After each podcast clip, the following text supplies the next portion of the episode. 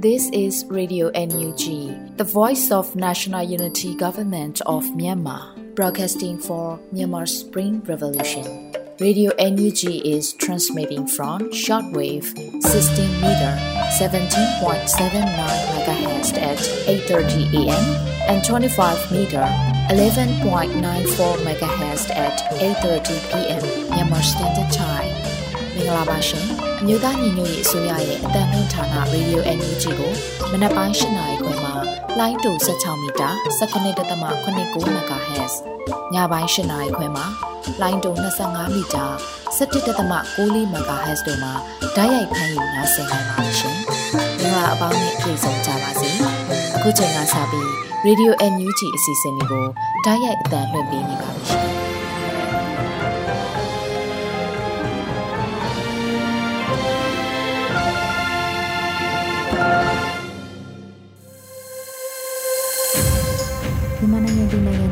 တဘာဝပြီးဆရာနာရှင်လူတို့ကနေကင်ဝေးပြီးကိုစိတ်နှပါဘေးကင်းလုံခြုံကြပါစေလို့ရေဒီယိုအန်ယူဂျီဖွဲ့သားများကဆုတောင်းမေတ္တာပို့သလိုက်ရပါတယ်ရှင်။ခုချိန်ကစပြီးပြည်တွင်းသတင်းများကိုအရီမှဖတ်ကြားတင်ပြပေးပါရမရှင်။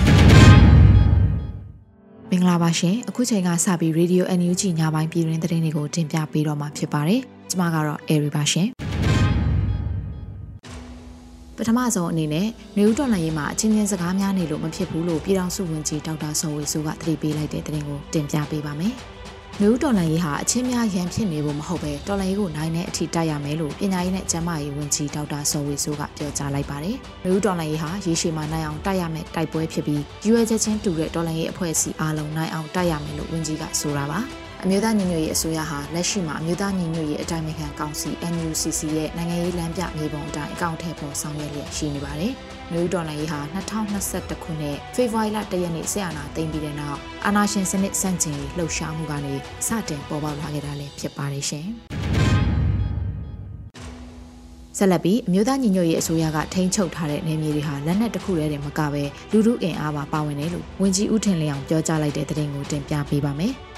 အမျိုးသားညီညွတ်ရေးအစိုးရရဲ့တနှစ်တာအတွင်းမှာထိန်းချုပ်ထားတဲ့နေမြေတွေဟာလက်နက်အင်အားတစ်ခုတည်းတည်းမကပဲဤပညာလူမှုအင်အားနဲ့နိုင်ငံရေးအရတိုက်ခိုက်တာတွေလည်းပါဝင်တယ်လို့ စက်သွေးရေးတရင်အချက်လက်နဲ့ဤပညာဝန်ကြီးဌာနပြည်ထောင်စုဝန်ကြီးဦးထင်လင်းအောင်ကဆိုလိုက်ပါတယ်။အမျိုးသားညီညွတ်ရေးအစိုးရကလက်တလောကြားကာလအစီအစဉ်တွေကိုအကောင့်ထဲပေါ်ဆောင်ရွက်လျက်ရှိနေပြီးတော့အင်းတော်ကျွန်းလှဝန်းသူကတာထီကြိုင်ကန့်ဘလူဗမော်နဲ့ပင်လယ်ဘူးစတဲ့မြို့နယ်တွေမှာဂျားကာလာအစီအစဉ်တွေကိုအကောင့်ထဲပေါ်ဆောင်ရွက်နေပြီဖြစ်ပါတယ်။လက်ရှိမှာပြည်ထရေးဝန်ကြီးဌာနကမြန်မာနိုင်ငံရဲတပ်ဖွဲ့ကိုအမြန်ဆုံးဖွဲ့စည်းဆောင်ရွက်နေတယ်လို့ပြည်သူလူထုရဲ့အမှုခင်းနဲ့ပတ်သက်တဲ့တိုင်ကြားစာပေါင်း400ကျော်ကိုလည်း ဖြည့်ရှင်းပေးသွားတော့မယ်လို့ပြောကြားထားပါသေးတယ်ရှင်။ဆက်လက်ပြီးဒေါအောင်ဆန်းစုကြည်စောင်းခဲ့တဲ့ပသိမ်ထီးကိုဇွန်လ18ရက်နေ့မှာကန်ဆန်းမဲဖွင့်ပွဲကျင်းပမယ်တရင်ကိုလည်းတင်ပြပေးပါအောင်မယ်။ဒေါအောင်ဆန်းစုကြည်စောင်းခဲ့တဲ့ပသိမ်ထီးကိုဇွန်လ18ရက်နေ့မှာကန်ဆန်းမဲဖွင့်ပွဲကျင်းပသွားမှာဖြစ်ပြီးအဆိုပါကန်ဆန်းမဲလက်မှတ်ဖွင့်ပွဲအခမ်းအနားကိုပြည်ထောင်စုဝန်ကြီးချုပ်မန်ဝင်းခိုင်တန်ပြည်ထောင်ရေးဝန်ကြီးဦးလွင်ကိုလန်းနဲ့တရုတ်ဆောင်မင်းမော်ကွန် ထောင်ဒါရိုက်တာကိုပေါက်အစရှိတဲ့ထင်ရှားကြော်ကြားသူတွေကတက်ရောက်သွားကြမယ်လို့သိရပါဗျ။ဒေါန်ဆန်းစုကြည်ရဲ့ပသိမ်ထီမဲလက်မှတ်ကိုတစောင်းကို American Dollar 10ဒေါ်လာနဲ့ရောင်းချခဲ့တာဖြစ်ပြီးတော့စင်ကာပူမြန်မာနဲ့ American နိုင်ငံတွေကအများဆုံးဝယ်ယူခဲ့ကြတာဖြစ်ပါတယ်။ဒီကန်ဆယ်မဲ့လက်မှတ်ရောင်းရငွေတွေကိုတော့မြို့သားညီညွတ်ရေးအစိုးရရဲ့စိုးမိုးထိန်းချုပ်နေမြေတွေမှာကာကွယ်ရေးအတွက်80ရာခိုင်နှုန်းအသုံးပြုသွားမယ်လို့လည်းသိရှိရပါတယ်ရှင်။ ဆက်လက်ပြီး NUG NUCC တို့နဲ့ထိတွေ့ဆက်ဆံမှုမလေးရှားနိုင်ငံသားရေးဝန်ကြီးဆိုက်ဖူဒင်အဗ်ဒူလာတိုက်တွန်းပြောကြားတဲ့သတင်းကိုတင်ပြပေးပါမယ်။ဇွန်လ16ရက်နေ့ကအိန္ဒိယနိုင်ငံနယူးဒေလီမှာကျင်းပပြုလုပ်ခဲ့တဲ့အာဆီယံအိန္ဒိယနိုင်ငံသားရေးဝန်ကြီးအထူးဆွေးနွေးပွဲမှာမလေးရှားနိုင်ငံသားရေးဝန်ကြီးကအခုလိုတိုက်တွန်းပြောကြားခဲ့တာပါ။မြို့သားညီညွတ်ရေးအစိုးရ NUG မြို့သားညီညွတ်ရေးအတိုင်းအမြံကောင်စီ NUCC တို့နဲ့ထိတွေ့ဆက်ဆံမှုလိုအပ်တယ်ဆိုတဲ့အကြောင်းကိုနိုင်ငံသားရေးဝန်ကြီးဆိုက်ဖူဒင်အဗ်ဒူလာကဆိုခဲ့ပါတယ်။ အာဆီယံအိန္ဒိယနိုင်ငံသားရေးဝန်ကြီးအထူးဆွေးနွေးပွဲကိုစစ်ကောင်စီအားတက်ရောက်ခွင့်အများရှိခဲ့ဘူးဖြစ်ပါတယ်။လက်ရှိတန်တမန်ရေးမှာအမျိုးသားညီညွတ်ရေးအစိုးရဟာအမေရိကန်ပြင်သစ်နော်ဝေးနဲ့ UK အစရှိတဲ့နိုင်ငံတွေနဲ့ဆက်ဆံရေးအထူးကောင်းမွန်လျက်ရှိနေတာကိုတွေ့မြင်နေရပါတယ်ရှင်။ဆက်လက်ပြီးစစ်ကြွပညာရေးရန်တရားအောက်ကတက္ကသိုလ်ဝင်စာမေးပွဲအောင်စင်းတွေကိုပယ်ဖြတ်တယ်ဆိုတဲ့သတင်းကိုတင်ပြပေးပါမယ်။ စစ်ကြုံပညာရေးရန်တရားအောက်ကတက္ကသိုလ်ဝန်ထမ်းအောင်စင်းတွေကိုပယ်ဖြတ်လိုက်တယ်လို့ဒဝဲမြို့နယ်အခြေခံပညာကျောင်းသားများတက်မကကထုတ်ပြန်ပါတယ်။အကြံဖတ်စစ်ကောင်စီကကျင်းပခဲ့တဲ့တက္ကသိုလ်ဝန်စာမေးပွဲမှာဖြေဆိုထားတဲ့စာမေးပွဲအောင်စင်းရလက်တွေဟာစစ်အာဏာရှင်လူတစုရဲ့အရေးချင်းကိုမကြည့်ပဲအောင်ချက်ကိုမြင့်တင်မှုတွေကိုတွေးရှိနေရတယ်လို့ဖော်ပြထားပါတယ်။ဇွန်လ18ရက်နေ့ထုတ်ပြန်ဖော်ပြချက်အရကျွန်စိတ်တက်မွေးပြီးဖြေဆိုအောင်မြင်ခဲ့တဲ့ကျောင်းသားကျောင်းသူတွေကိုမိမိတို့ဒဝဲမြို့နယ်အခြေခံပညာကျောင်းသားများတက်မကကအမည်ပြည့်စည်ရင်အဖြစ်ထုတ်ပြန်ကြေညာပြီးအဆိုပါအောင်စင်းရလက်ကိုလည်းလက်မခံပဲပယ်ဖျက်လိုက်တယ်လို့ဆိုထားပါတယ်။လက်ရှိအချိန်ထိတော်လိုင်းရေးမှာပါဝင်နေကြတဲ့ရဲဘော်ចောင်းသားចောင်းသူတွေ CDM လှုပ်ဆောင်နေကြတဲ့ចောင်းသားចောင်းသူတွေကိုမိမိတို့တဝယ်မြို့နယ်အခြေခံပညာចောင်းသားများတမကကလေးစားဂုဏ်ယူကြောင်းပြောကြားလိုက်ရပါတယ်လို့လည်းဆိုထားပါတယ်ရှင်။ဆက်လက်ပြီးလောင်းလုံမြို့နယ်ဝေဒီကျေးရွာကိုအကြမ်းဖက်စစ်ကောင်စီတပ်တွေဝင်ရောက်တောင်းချမ်းပြီးအမျိုးသမီး2ဦးအမျိုးသား2ဦးကိုတနက်နဲ့ပစ်ခတ်ခဲ့တဲ့တဲ့ရင်ကိုတင်ပြပေးပါမယ်။ လောင်းလုံမြို့ကိုရောက်ရှိနေတဲ့အကြမ်းဖက်စစ်သားတွေဟာဇွန်လ16ရက်ည10:00နာရီချိန်လောက်ကလောင်းလုံမြို့နယ်ဝီဒီကျေးရွာအတွင်းကိုတနက်ပစ်ခတ်ဝင်ရောက်ခဲ့ပြီးပြည်သူပိုင်နေအိမ်တစ်လုံးကိုမိရှို့ဖျက်ဆီးခဲ့ပါတယ်။မိရှို့ဖျက်ဆီးခံရတဲ့နေအိမ်ကအသက်32နှစ်အရွယ်ရှိမတ်နွယ်နီသေးကိုဖမ်းဆီးခေါ်ဆောင်သွားခဲ့ပြီးလမ်းတနေရာမှာတနက်နဲ့အနီးကပ်ပစ်ခတ်ကစွန့်ပစ်ထားခဲ့ပါတယ်။ရွာသားတွေရဲ့ကူညီပေးမှုကြောင့်မတ်နွယ်နီထေးကိုတော့အချိန်မီစေးုံတင်ပို့နိုင်ခဲ့ပါတယ်လို့ဖော်ပြထားတာပါ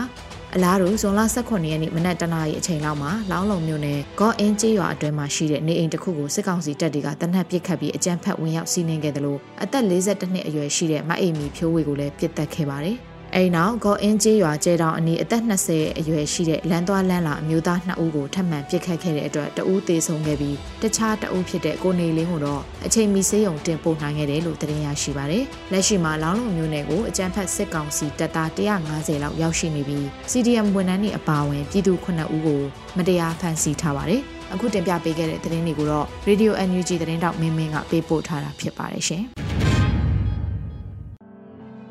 အခုဆက်လက်ပြီးသတင်းနဲ့အတူလူမှုစကားသံအစီအစဉ်ကဏ္ဍကိုတင်ဆက်ပေးသွားပါမယ်။ဇွန်လဆန်းမှာစီဒီယံဝန်ထမ်းစီးရင်တွေကိုစစ်ကောင်စီကနိုင်ငံကူးလက်မှတ်ထုတ်ပေးရုံမှာပေးပို့ထားပြီးဖမ်းဆီးတာတွေစက်တိုက်ပြုလုပ်လာတယ်လို့စီဒီယံဝန်ထမ်းတချို့ကပြောပါတယ်။ ဇွန်လဆန်းကစပြီးစီဒီယံဝန်ထမ်းစီးရင်ကိုစစ်ကောင်စီကနိုင်ငံကူးလက်မှတ်ထုတ်ပေးရုံမှာပို့ပေးထားပြီးလက်ပွေနှိပ်လိုက်တာနဲ့ပေါ်လာတဲ့အတွက်ဖမ်းဆီးခံရသူတချို့ရှိခဲ့တယ်လို့ပတ်စံပေးပြီးလွတ်လာတဲ့စီဒီယံဝန်ထမ်းတအုပ်ကပြောပါတယ်။နိုင်ငံကူးလက်မှတ်ထုတ်ပေးရုံမှာဝန်ထမ်းအချင်းချင်းပြန်ဖမ်းနေတာဖြစ်ပြီးလွတ်လာတဲ့စီဒီယံဝန်ထမ်းကငွေကျပ်14သိန်းအထိလက်ထိုးခဲ့ရတယ်လို့အဆိုပါဝန်ထမ်းကပြောပြပါတယ်။ passport ရုံးမှာပဲရှင်းလိုက်ရတယ် passport လုပ်တဲ့အချိန်မှာကျွန်တော် immigration မှာလက်ပွေနေတဲ့ချိန်မှာကျွန်တော်ဟိုစီးရင်ပေါ်တာအဲတော့အရာရှိမိုင်းတော့ပဲသူတို့စီးရင်ပေးထားတယ်အခုဂျွန်စကန်ဝီက CDM ဆိုတဲ့ဝန်ထမ်းတိုင်းရဲ့စီးရင်ပေးထားတယ်ပြီးခဲ့တဲ့တစ်ပတ်ဆိုလို့ရှိရင်မိရထားဝင်နေပေါ့အရာလို့မရှိဘူးအောက်ဆုံးအဆင့်ပေါ့ passport လုပ်တဲ့အချိန်မှာသူတို့တွေကလူနဲ့လမ်းကြီးဝင်ပြီးတော့လုပ်တာလုပ်တဲ့အတွက်အဖမ်းမခံရအောင်မင်းစီးရင်ဒီမှာရှိနေမင်းသွားလိုက်တော့လို့ဆိုပြီးသူပြောလိုက်ဒါကတော့သူတို့တွေကလူနဲ့ပတ်သက်ပြီးလောက်တာဖြစ်တဲ့အတွက်ဖမ်းမခံရရ။နောက်ပိုင်းကတော့အကုန်ဖမ်းနေပြီဗျ။ပတ်စပို့ရုံးမှရင်ဖမ်းနေပြီးခဲ့နှစ်ပတ်လောက်ကလေဝင်မှာ39ယောက်ဖမ်းခံရရတယ်။ စီဒီယံဝန်ထမ်းတွေကိုစစ်ကောင်စီကရန်ကုန်ပြည်ပြည်ဆိုင်ရာလေဆိပ်မှာစောင့်ကြည့်ဖမ်းဆီးတာတွေပြုလုပ်ခဲ့ပြီးဇွန်လဆန်းမှာလေဆိပ်မှာအဖမ်းခံရတဲ့စီဒီယံဝန်ထမ်း38ယောက်အထိရှိခဲ့တယ်လို့ရန်ကုန်ပြောက်ကြားလူငယ်တယောက်ကပြောပါတယ်။စီဒီယံဝန်ထမ်းတွေကိုဖမ်းဆီးငွေညှစ်နေတာနဲ့ပတ်သက်ပြီးတက်ဆိုင်တဲ့ဌာနတိုင်းကိုဖောက်ခွဲတိုက်ခိုက်မှုတွေပြုလုပ်သွားမယ်လို့ရန်ကုန် UG ကိုအောင်စေရကပြောပါတယ်။ဒါမလို့တင်ဘူး။ CDN လောက်ထားတဲ့ဝန်ထမ်းတယောက်အနေနဲ့ပြောရရင်ခွင့်ရေးတွေအကုန်ဆုံးရှုံးရတယ်။ဒါအပြင်ဖန်တီးခံရတယ်၊ငွေညှစ်ခံရတယ်ဆိုတဲ့ပုံမှာတော့ဝန်ထမ်းတွေအနေနဲ့ဒီလိုမျိုးတွေဆက်လုပ်နေမယ်ဆိုရင်တော့ကျွန်တော်တို့အနေနဲ့ပြင်းထန်တဲ့တတိပေးဖောက်ခွဲမှုတွေတော့လုပ်ရဖို့တော့ရှိပါတယ်။စစ်ကောင်စီရန်နေရတွေမလဲပတ်နိုင်အောင်ပြည်သူတွေဘက်ကရှက်တီခဲ့တဲ့ CDN ဝန်ထမ်းတွေဟာတော်လှန်ရေးမှာအရေးပါတဲ့ကဏ္ဍကပါဝင်ခဲ့ကြသူတွေဖြစ်ပါတယ်။တော်လှန်ရေးကာလကြာလာတာနဲ့အမျှစီဒီယံဝန်ထမ်းတွေဟာစားဝတ်နေရေးအတွက်ရက်တီရခက်ခဲလာပြီးအဖမ်းခံရမယ့်အခြေအနေတွေကိုကြုံတွေ့လာရတာဖြစ်ပါတယ်။ ဒီသတင်းကိုတော့ຫນွေဦးကေကပေးပို့ထားတာဖြစ်ပါတယ်ရှင်။ဆက်လက်ပြီးမဲဆောက်ရောက်ပြည်ထရေးဝန်ကြီးဌာနစီဒီယံဝန်ထမ်းတွေဟာစာဝတ်နေရေးခက်ခဲလာတဲ့အတွက်စက်မှုလုပ်ငန်းတွေလုပ်ကိုင်ပြီးရပ်တည်နိုင်မှုစ조사နေရတယ်ဆိုတဲ့သတင်းကိုတင်ပြပေးပါမယ်။ထိုင်းနိုင်ငံမဲဆောက်မြို့ကိုရောက်ရှိနေတဲ့ပြည်ထရေးဝန်ကြီးဌာနစီဒီယံဝန်ထမ်းတွေဟာသူများတိုင်းပြည်မှာနေထိုင်စားသောက်ခြေအကြီးတဲ့ပြဿနာနဲ့ရင်ဆိုင်နေရပါတယ်။စားဝတ်နေရေးအတွက်တော်လှန်ရေးလွယ်အိတ်တွေချုပ်ရောင်းပြီးရည်တည်နိုင်မှုစ조사နေရတယ်လို့ CDM Unity အဖွဲ့က CDM ရဲဝန်ထမ်းတအုပ်ကအခုလိုပြောပြပါဗျ။ CDM ဆိုပြီးတော့ဒီတိုင်းနေလို့လည်းအကူညီရမရနိုင်ဘူးဆိုတော့ကိုယ့်ကိုယ်လည်းစူးစမ်းရက်တည်ရမှာအဲ့အတွက်ဟိုအလုပ်တစ်ခုဟိုတစ်ခုကကျွန်တော်လုပ်နေရပါတော့။ကိုကဒီ level မှာနှစ်ပေါင်းများစွာဒီဝန်ထမ်းအနေနဲ့လုပ်လာတဲ့အခါကျတော့တစ်ခုခုပြောင်းလဲဖို့ခက်ခဲတာပေါ့နော်။ဒါပေမဲ့လည်းစူးစမ်းပြီးတော့ကျွန်တော်တို့ရုန်းကန်မယ်ဆိုတဲ့ဟာကိုအကြောင်းလဲဆိုတော့အကုန်လုံးအခက်ခဲနေရဖြစ်တဲ့အတွက်ကိုယ်လည်းကိုယ့်အကူရုန်းကန်မှာပဲဆင်ပြေလာပါတော့။အဲ NUG အစိုးရအနေနဲ့ပေါ့နော်အရင်ကြီးမားတွေဆိုတော့ဒီအဖွဲ့ငယ်လေးတွေပေါ့နော်အဖွဲ့ငယ်လေးအဖွဲ့ငယ်လေးတွေကိုသူတို့ကျွမ်းကျင်တဲ့တခုခုပေါ့နော်ပန်းပေးတာပိုကောင်းတာပေါ့ကျွန်တော် NUG ကတချို့ဟိုလုပ်နေတဲ့ဟာတွေကျွန်တော်သိရတဲ့လောက်ကအဲ့လိုပေါ့နော်တက်ယုံနေပိုင်းလုပ်နေပါဟိုအဲ့ဒါကြီးကကြီးမားတဲ့အခါဖြစ်တဲ့အတွက်အရင်ကြီးလည်းများလို့စီမံခန့်ခွဲမှုကမနိုင်ရင်းတဲ့အခါကျရင်ဒီကနေပြီးတော့အကျိုးမြတ်ကလည်းကြာမယ်ပေါ့နော်နောက်တစ်ခုကအဲ့လူတွေအရင်အများကြီးနဲ့လောက်ရတဲ့အခါကျတခုလူကြီးကပေါက်ကြမယ်ဆိုလို့ရှိရင်လည်းဒီလူတွေအများကြီးမှဒုက္ခရောက်နေတယ် အဲ့တော့ကောင်းတာကတော့ကျွန်တော်တို့ကဒီအပွဲသေးသေးလေးတွေကိုပဲအများကြီးဖွဲ့ပြီးတော့ပန်းပူပေးတာကိုကောင်းတယ်သဘောထားတိုင်းတဲ့လူတွေစုစုပြီးတော့ပဲမဆယ်ရောက်ပြီး15ရောက်ပြီးတော့တနိုင်ပန်လုပ်ငန်းလေးတွေလုပ်လုပ်အောင်ပေါ့ပန်းပူပေးတာပို့ပြီးတော့ဖြစ်အောင်မယ်လို့ကျွန်တော်ကထင်တယ်ဗျစစ်သားတွေနဲ့ရဲတွေကိုစီဒီယံဝင်မှုဖိတ်ခေါ်ခဲ့တဲ့ပြည်သူရင်ဝင်အစီအစဉ်ဟာစစ်သားတွေကိုဦးစားပေးထောက်ပံ့တဲ့ပုံစံမျိုးဖြစ်နေတဲ့အတွက်အကူအညီတောင်းခံလို့မရခဲ့ဘူးလို့မဲဆောက်ရောက် CDM ရဲမေဝန်ထမ်းတအုပ်ကပြောပါတယ် လက်တလုံးမှာတော့ CDM ဝန်ထမ်းအချင်းချင်းအပြန်အလှန်ကူညီပြီးရှင်းတန်နိုင်မှုစ조사နေရတယ်လို့သူမကအခုလိုပြောပြပါတယ်စာဝတ်နေရေးအတွက်အလုံးကိုင်ရှာဖွေမှုတွေနဲ့နောက်ပြီးတော့အပြင်သွားလာတာလည်းလုံခြုံမှုမရှိတဲ့အခါကျတော့ညီမတို့အခက်အခဲတွေအများကြီးတော့ရှိတာပေါ့ ဒုက္ခရောက်တာတော့ပြည်ရင်းမှာပဲရှိရှိပြည်ပမှာပဲရှိအတူတူပါပဲပြည်ရင်းမှာကိုယ်လုပ်ဖို့ကံမတ်တွေလည်းအဆင်မပြေလို့တယောက်နဲ့တယောက်ပဲအချင်းချင်းပဲရှိတဲ့ပတ်စံလေးနဲ့ပြန်မျှနေရတာတွေရှိတယ်အခုချိန်မှာဘုသူစီယာမှာလည်းလူကန်လို့အဆင်မပြေနိုင်တော့ဘူးဆန်လေး1000 2000ကိုကိုမှရှိတဲ့ထက်ကဒီလိုပဲ sharing လုပ်ပြီးတော့ကိုလုပ်ဖို့ကံမတ်အကြောင်းကိုပဲအတိဆုံးဖြစ်နေတာဒီတပြည့်လူအလူခံမှုကမလွယ်ကူနေတဲ့အခါကျတော့အမှတရားချင်းသူ့ကို90ပေးသုံးမယ်ဆိုတဲ့စိတ်နဲ့ပဲဖြတ်တန်းနေတယ် ဒေါ်လာရေးတပိတ်ကာလမှာကလေးကရဲဝန်ထမ်းတော်တော်များများဟာအာနာရှင်ဖီဆန်ရေးလှုပ်ရှားမှု CDM မှာပူးပေါင်းပါဝင်ခဲ့တာပါစစ်တပ်ကအကြမ်းဖက်မှုတွေပြုလုပ်ခဲ့တဲ့နောက်ပိုင်းမှာလည်းစစ်သားတွေနဲ့ရဲဝန်ထမ်းတွေဟာအချင်းချင်းမကြေလည်မှုတွေဖြစ်ခဲ့တာကြောင့် CDM ဝင်လာသူတွေအများအပြားရှိခဲ့ပါတယ်ဒီသတင်းကိုတော့ຫນွေဦးကေကပေးပို့ထားတာဖြစ်ပါတယ်ရှင်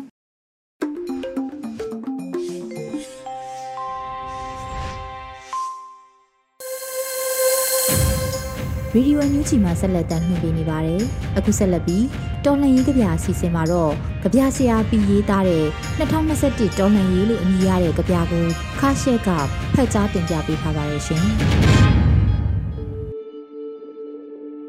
2021တော်လှန်ရေးဟုအမည်ရသည့်ကြပြအားရွတ်ဖတ်ပေးမှာဖြစ်ပါသည်။ຫນွေဦးရက်တွင် ပေတရာထဲ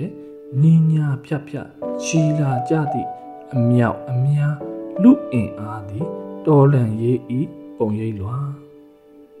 တဖန်စင်ကဲရင်းရင်ရဲစွာဖီဆန်ကြသည်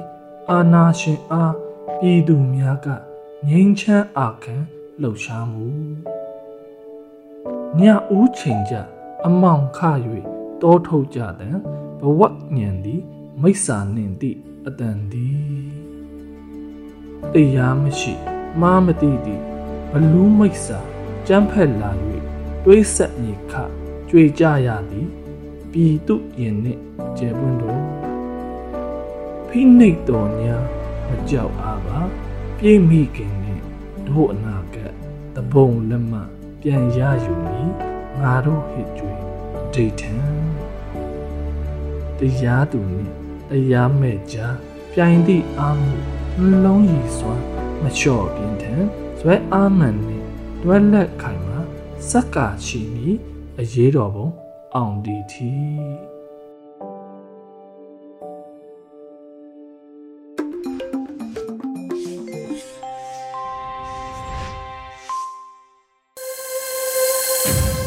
ရေဒီယိုအန်ယူဂျီရဲ့ညပိုင်းစီစဉ်လေးကိုဆက်လက်တင်ပြနေပါတယ်။အခုတခါ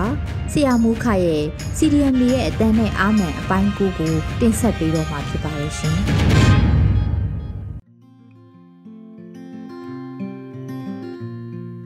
အားလုံးပဲမင်္ဂလာပါဒေါ်လာကြီးကထင်ထားတဲ့ကြာလာတော့လူတော်တော်များများကစိတ်တက်တွေကြာလာတာကိုတွေ့ရပါတယ်တော်တော်လေးစိတ်တက်ခိုင်ပါတယ်လို့ယူဆရတဲ့ကျွန်တော်မိတ်ဆွေတချို့တောင်စိတ်တက်တွေကြာနေတာကိုတွေ့လာပါ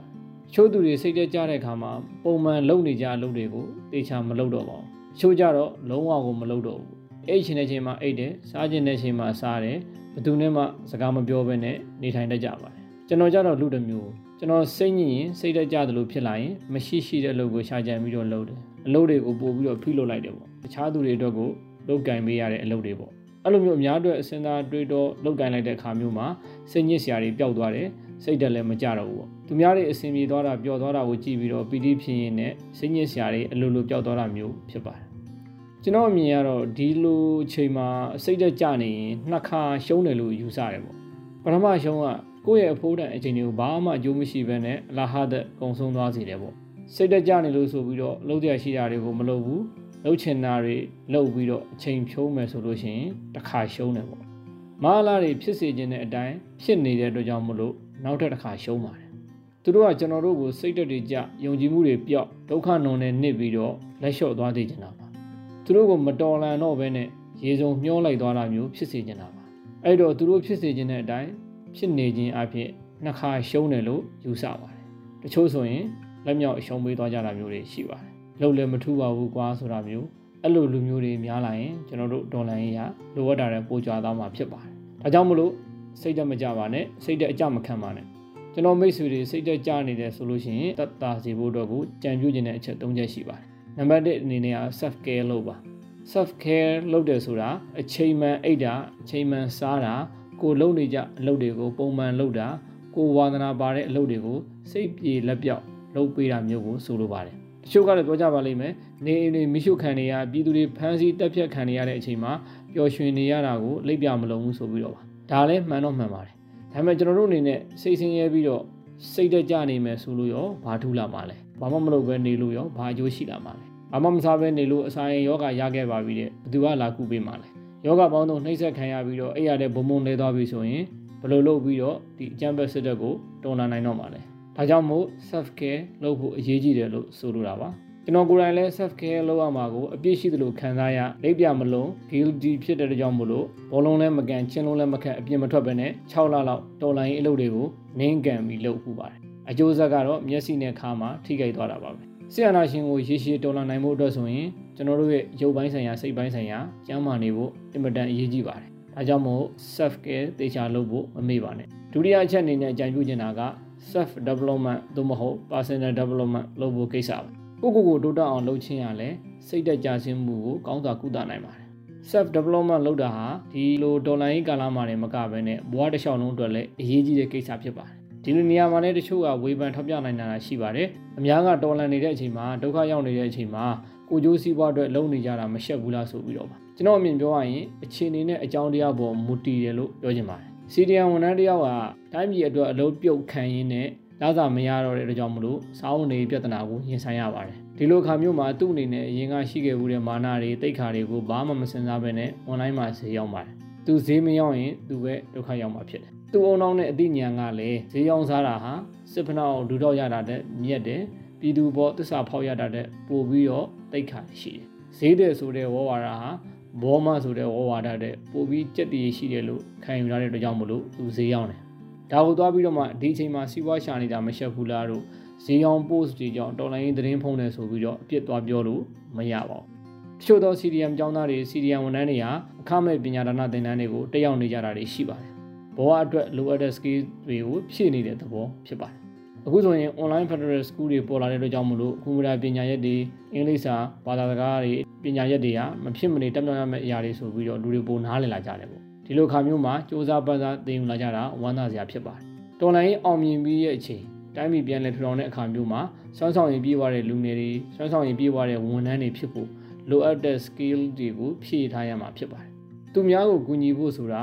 ကိုယ်တိုင်ကအစွမ်းစားရှိမှဖြစ်မှာပါ။ ကိုယ်တိုင်ကတယောက်တည်းတောင်မှယက်တီဖို့ခဲရင်နေတဲ့သူတယောက်ဟာတခြားသူတယောက်ကိုကူညီဖို့ဆိုတာအင်မတန်ခဲရင်ပါတယ်။ဒါကြောင့်မို့စွမ်းဆောင်ရည်မြင့်နေတဲ့တင်တဲ့ capacity upgrading course တွေကိုတက်ရောက်တင်တယ်လို့ကြံပြုခြင်းပါတယ်။ဒါအပြင်အိမ်မှာနေရင်လည်းစာဖတ်ကြပါစာဖတ်တယ်ဆိုတာကိုကိုကိုတိုးတက်အောင်လုပ်ဖို့အတွက်အကောင်းဆုံးနည်းလမ်းတွေကတစ်ခုဖြစ်ပါတယ်။ဝေကုံကြီးကြလည်းတက်တာပါ။ဒါကြောင့်မလို့စာဖတ်မပြင်းကြပါနဲ့။စံကျင်မဲ့အနေနဲ့ပြောရလို့ရှိရင်ဒီကာလကြီးမှာပေါ့ဆယ်သက်စားမကုန်အောင်ချမ်းသာနေတဲ့သူတွေ အဲ့လိုလူတွေကစီးပွားရေးအလူရဲ့ရှာနေကြတာကိုမြင်တော့လောဘကြီးတယ်လို့ပဲမြင်မိတယ်ပေါ့။ဒါမျိုးကိုကြတော့ကိုကျိုးစီးပွားတစ်ခုတည်းကိုကြည့်တဲ့သူတွေလို့သတ်မှတ်လို့ရတယ်။ဘလို့လူမျိုးတွေလဲဆိုရင်ဘဝတူအမှုပညာရှင်တွေကအလောက်ကိုင်းပြက်ဘဝပြက်ခံပြီးတော့တော်လန်နေတဲ့အချိန်မှာအသေးအံစီးပွားရှာနေတဲ့အမှုပညာရှင်အမိခံပုံကိုယ်တွေပေါ့တိုးတက်အောင်မြင်ဟောပြောရေးသမားတွေ motivational speaker တွေပေါ့စစ်ကြုံမှာပြည်သူတွေတော့ဒုက္ခရောက်နေအောင်တည်တည်နဲ့အမှုပညာအမြင်ခံပြီးတော့အသေးအံစီးပွားရှာနေကြတာမျိုးတွေ ဘလိုမျိုးကြီးပွားတိုးတက်အောင်လုပ်ရမယ်ဆိုပြီးတော့အာဝန်အာရင်တန်တန်နဲ့ပြောဟောနေကြတာမြင်တော့ဘလိုနှလုံးသားတွေနဲ့များ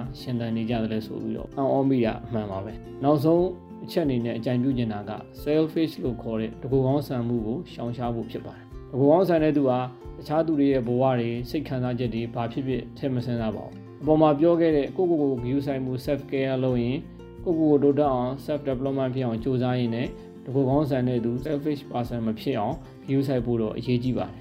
selfish person မဖြစ်ဖို့ဆိုတာတော်လန်ရေးကိုမျက်ခြေမပြတ်ဖို့နဲ့တော်လန်ရေးအလုပ်တွေကိုဆက်လက်လုပ်ကိုင်နေဖို့ပဲဖြစ်ပါတယ်။ဘယ်နေရာဘယ်ရက်ဒေတာပဲချက်ရောက်ကိုရှိစုမစုခွန်အားနဲ့တက်ဆန်းသမျှတော်လန်နေဖို့အရေးကြီးပါတယ်။တခြားသူတွေကသိရောကိုပါနှိပ်ပြီးတော့တော်လန်နေကြတဲ့အချိန်မှာကိုက selfish person မဖြစ်သွားပါစေနဲ့။ အဲ့လိုတကူကောင်းဆန်တဲ့သူတွေများလာတာနဲ့မျှတော်လန်ရေးရာပိုကြသွားမှာဖြစ်ပြီးတော့ပြည်သူတွေပိုပြီးတော့ဒုက္ခရောက်သွားမှာပဲဖြစ်ပါတယ်။ကျွန်တော်ကတော့ဘလောက်ပဲစိတ်ညစ်စရာတွေကြုံအောင်ကြုံရမမြဲတဲ့သင်္ခါရသဘောတရားကိုနှလုံးသွင်းကြော်ဖြတ်ပါတယ်ဒါတွေအမြင်ကြုံနေရမှာမဟုတ်ဘူးခဏပဲဆိုပြီးတော့ပါအဲ့လိုနှလုံးသွင်းပြီးကြော်ဖြတ်တယ်လို့ self care လည်းပုံမှန်လုပ်တယ် self development လည်းဖြစ်အောင်ကြိုးစားပါတယ်ကိုယ်သွမ်းညံတမ်းရှိသလောက်တော်လန်ရေးကိုအထောက်အကူဖြစ်စေမဲ့ကိစ္စတွေအကုန်လုပ်တယ်တနိုင်သမျှအများအတွက်စဉ်းစားတွေးတောလုပ်ကိုင်ရင်းနဲ့ ဒီလိုစိတ်ပြက်ညှိငွေကြကောင်းတဲ့ blogger ကြီးကိုကြော်ဖြတ်ပါတယ်အားလုံးပဲကျမ်းမာပေးကင်းကြပါစေအရေးတော်ပုံမိုးချအောင်ရမည်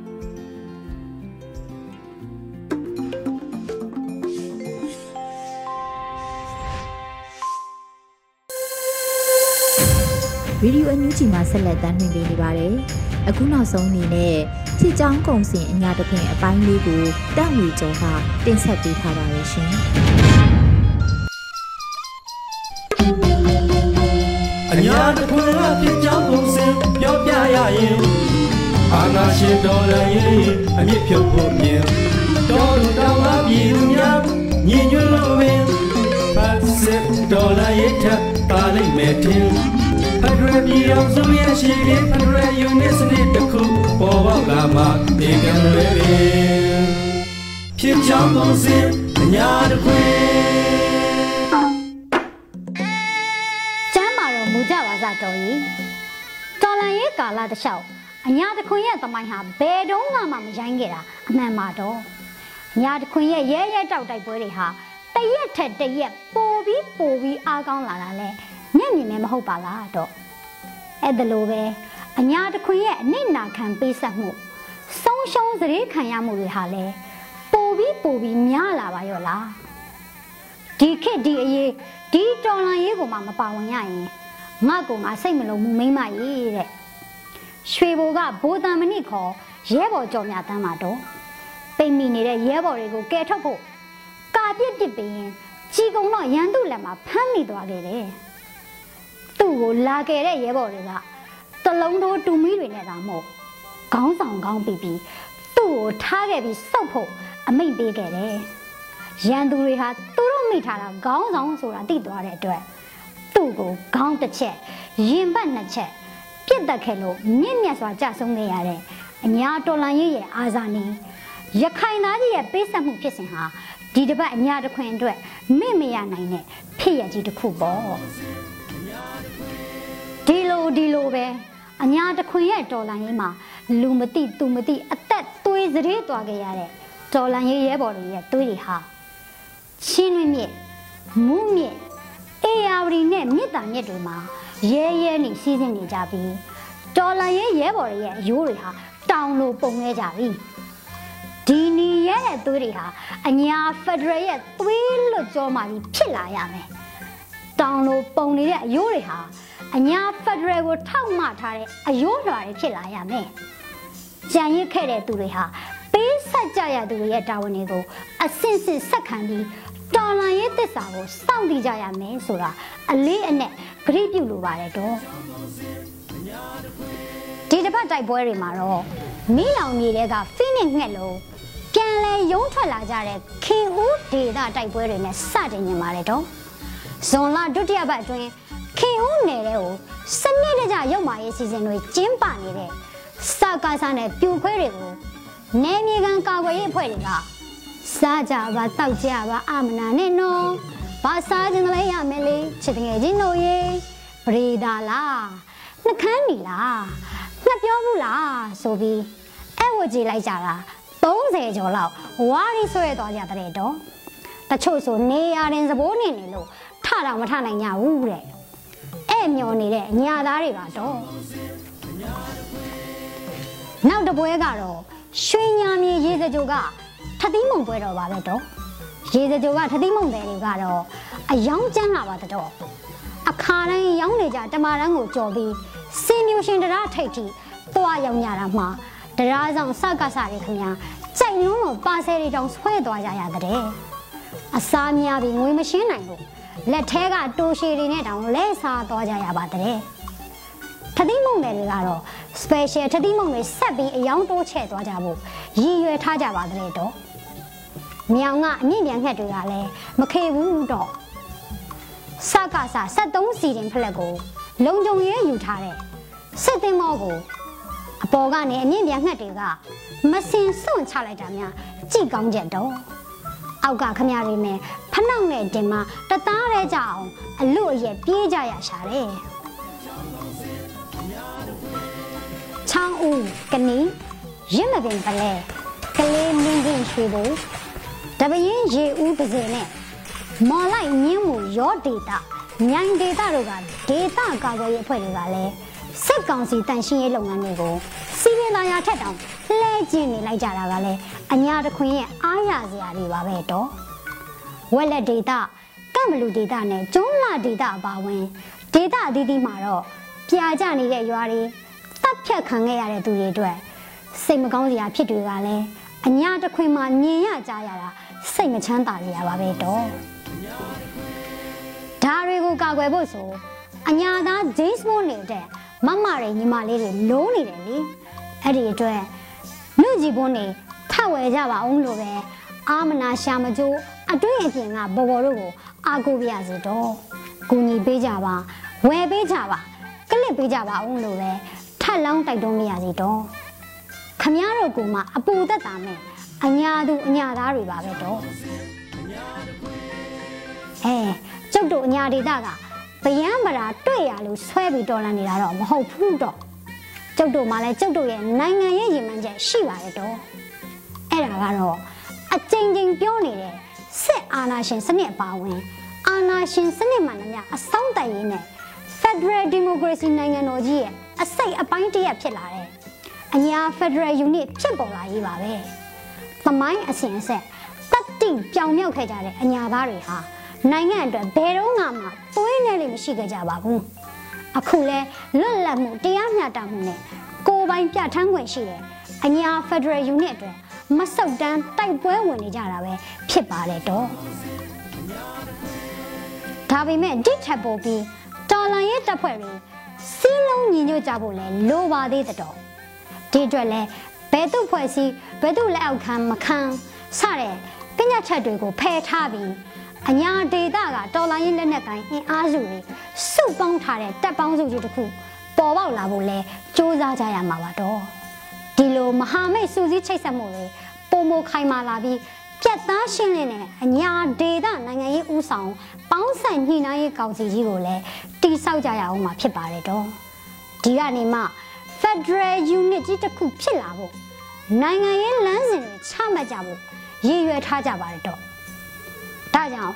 အညာသားတွေတိုက်ရေးခိုက်ရေးမှာမညံ့တယ်လို့နိုင်ငံရဲ့အရာလဲပေါင်းဆက်တိဆောက်နိုင်မှုလက်ယုံကြီးတန်သူကလက်ယုံကြီး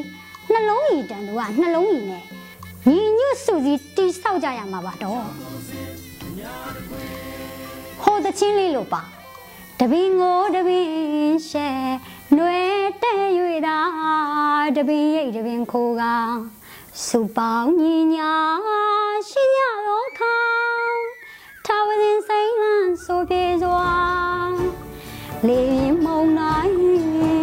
တိုက်ခတ်တော်လဲမမူပါအညာဖက်ထရက်အောင်ရကြောကုန်